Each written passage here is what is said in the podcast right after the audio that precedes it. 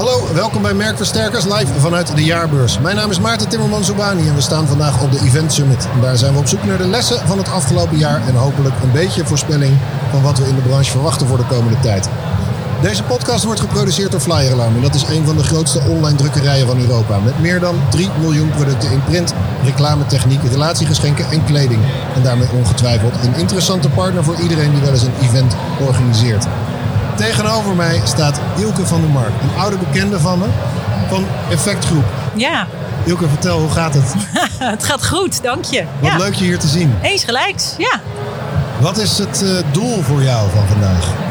Nou, het doel is om iedereen weer eens even in de ogen te kunnen kijken in plaats van dat er een scherm tussen zit. En ik ben ook altijd op dit soort dagen benieuwd, wat heb ik gemist? Eh, wat heb ik afgelopen maanden niet ervaren, wat ik nu misschien weer heel gemakkelijk op één dag toch kan gaan ervaren en kan zien? Heb je het gevoel dat je dan toch opgesloten hebt gezeten in een bubbel? Nou, ik denk dat iedereen dat al een beetje heeft. Uh, uh, op het moment dat je op zo'n dag uh, iedereen weer ziet en, en, en, ja, gefaciliteerd wordt om al die informatie gebundeld op te kunnen doen, zie je altijd meer dan dat je in je eentje achter je laptop kan lezen en kan Tuurlijk. horen. Ja, ja. En wanneer loop jij tevreden naar buiten? Nou, als ik een paar leuke gesprekken heb gehad met mensen, überhaupt, dat is één.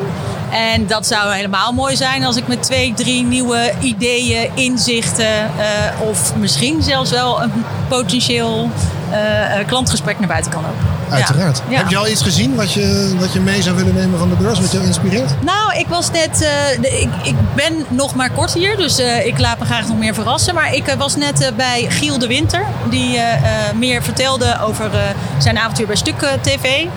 En toen dacht ik, grappig. Ik had, ja, je hebt er toch eigenlijk aan meer een soort funboy idee. En uh, een goed inspirerend verhaal. Dat ik dacht, nou, dat is weer eens even een ander, andere spreker. Misschien die bedrijven eens kunnen inzetten. Ja. Dus je hebt in ieder geval inspiratie meegenomen. Precies. Vink. Die kan ja, al. Check, die, die heb je. Ja. Hey, heel eventjes, want vanuit Effectgroep, uh, wat, wat is je link met de evenementenbranche? Nou, wij zijn uh, bijna 25 jaar uh, onderweg als creatief agency. van oudsher dus echt hart en nier eventbureau. En in de laatste acht jaar veel meer uitgebouwd voor alles voor je merk. Dus wij hebben uh, enorm veel disciplines, zowel op digital, out of home en events, branding, communicatiespecialisten. Ja, en hier komt natuurlijk heel veel eventkennis uh, samen. Dus dat is de Zeker. reden waarom ik hier ben. Zeker. Ja. En ik kan me voorstellen, eventbranche, we hoeven niet te praten over het afgelopen jaar. Dat weet Nee. iedereen die hier rondloopt hoe dat is geweest. Ja. Maar nu moet er een soort van springplankje komen, toch? Ja, zeker. Straks, hier staan wij allemaal Ja. gecontroleerd. Ja. We zijn allemaal getest. Wat is voor jullie de springplank naar als zometeen alles weer kan en mag? En Nou, ik denk dat wat we afgelopen jaar heel erg hebben geleerd is dat um, um, de content die gemaakt of gedeeld wordt op een evenement zonde is om ze alleen maar om de content alleen maar op dat event te houden. Uh, dus als je kijkt naar de online events en uh, uh, de opnames die daarvoor gemaakt zijn, heb ik wel heel erg geleerd dat, hoe fantastisch dat is om ook daarna weer met andere doelgroepen te delen. Um, en ik zo denk, breed mogelijk weer in te zetten. ja, zeker. zeker. En dat maakt ook, hè, het is natuurlijk een van de duurste middelen, uh, communicatiemiddelen, events. En dat maakt het ook een stuk interessanter. Dus kijk niet alleen maar wat kan ik in die vier tot zes uur voor elkaar boksen. Uh, maar hoe kan ik nou zorgen dat uh, de content die ik daar laat zien ook in het voor- of in het natraject gebruikt kan worden. En hoe zet ik dat in? En zo kan je ROI een stuk meer verhogen. En hoe maakt dat dan de, zeg maar, de aanloop naar zo'n event? Moet het dan ook anders maken? Want normaal heb je een doelstelling. Ik Ja. heb een event. Uh, ik wil mensen inspireren.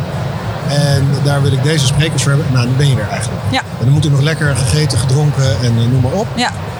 Hoe maakt het de aanloop naar dat event anders als je weet dat die content eigenlijk een evergreen zou moeten of mogen zijn? Ja, nou, ik denk dat het heel belangrijk is om niet alleen maar te kijken wat jij als uh, bedrijf, als organisatie, als merk wil zenden. Maar dat je dus heel erg duidelijk moet afvragen wat wil de doelgroep. En uh, dat je daar eigenlijk de sweet spot in moet vinden. Um, en natuurlijk zijn er heel veel partijen die zeggen: Ik wil gewoon een leuke avond. Maar misschien komt iemand wel heel specifiek met een bepaald vraagstuk. En kan je dus in kleinere groepen veel meer die doelstelling bereiken. En dan is misschien helemaal niet het antwoord om altijd een groot event te doen voor al je relaties tegelijk. Maar kijk je veel meer naar een, een uh, verspreiding. En is, uh, ik hoop dat dat heel vaak nog live is. Maar misschien zijn dat ook wel andere middelen die dezelfde doelstelling kunnen invullen. Helder. Eh, dan de laatste vraag. Wat is, de, wat is de stip aan jullie? Heel, heel veel mensen hebben het over het licht aan het einde van de tunnel. Ik denk dat we daar voorbij moeten zijn. Hè? We weten dat we nu al de tunnel aan het uitrijden zijn. Ja. Wat is dan de stip aan jullie horizon, aan jullie nieuwe horizon? Als organisatie of dan puur eh, ingezoomd op events?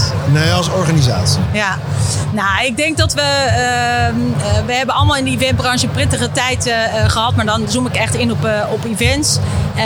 Ik ben heel tevreden hoe het bij Effectgroep gaat. We zijn eh, eh, nog steeds met het hoofd boven water.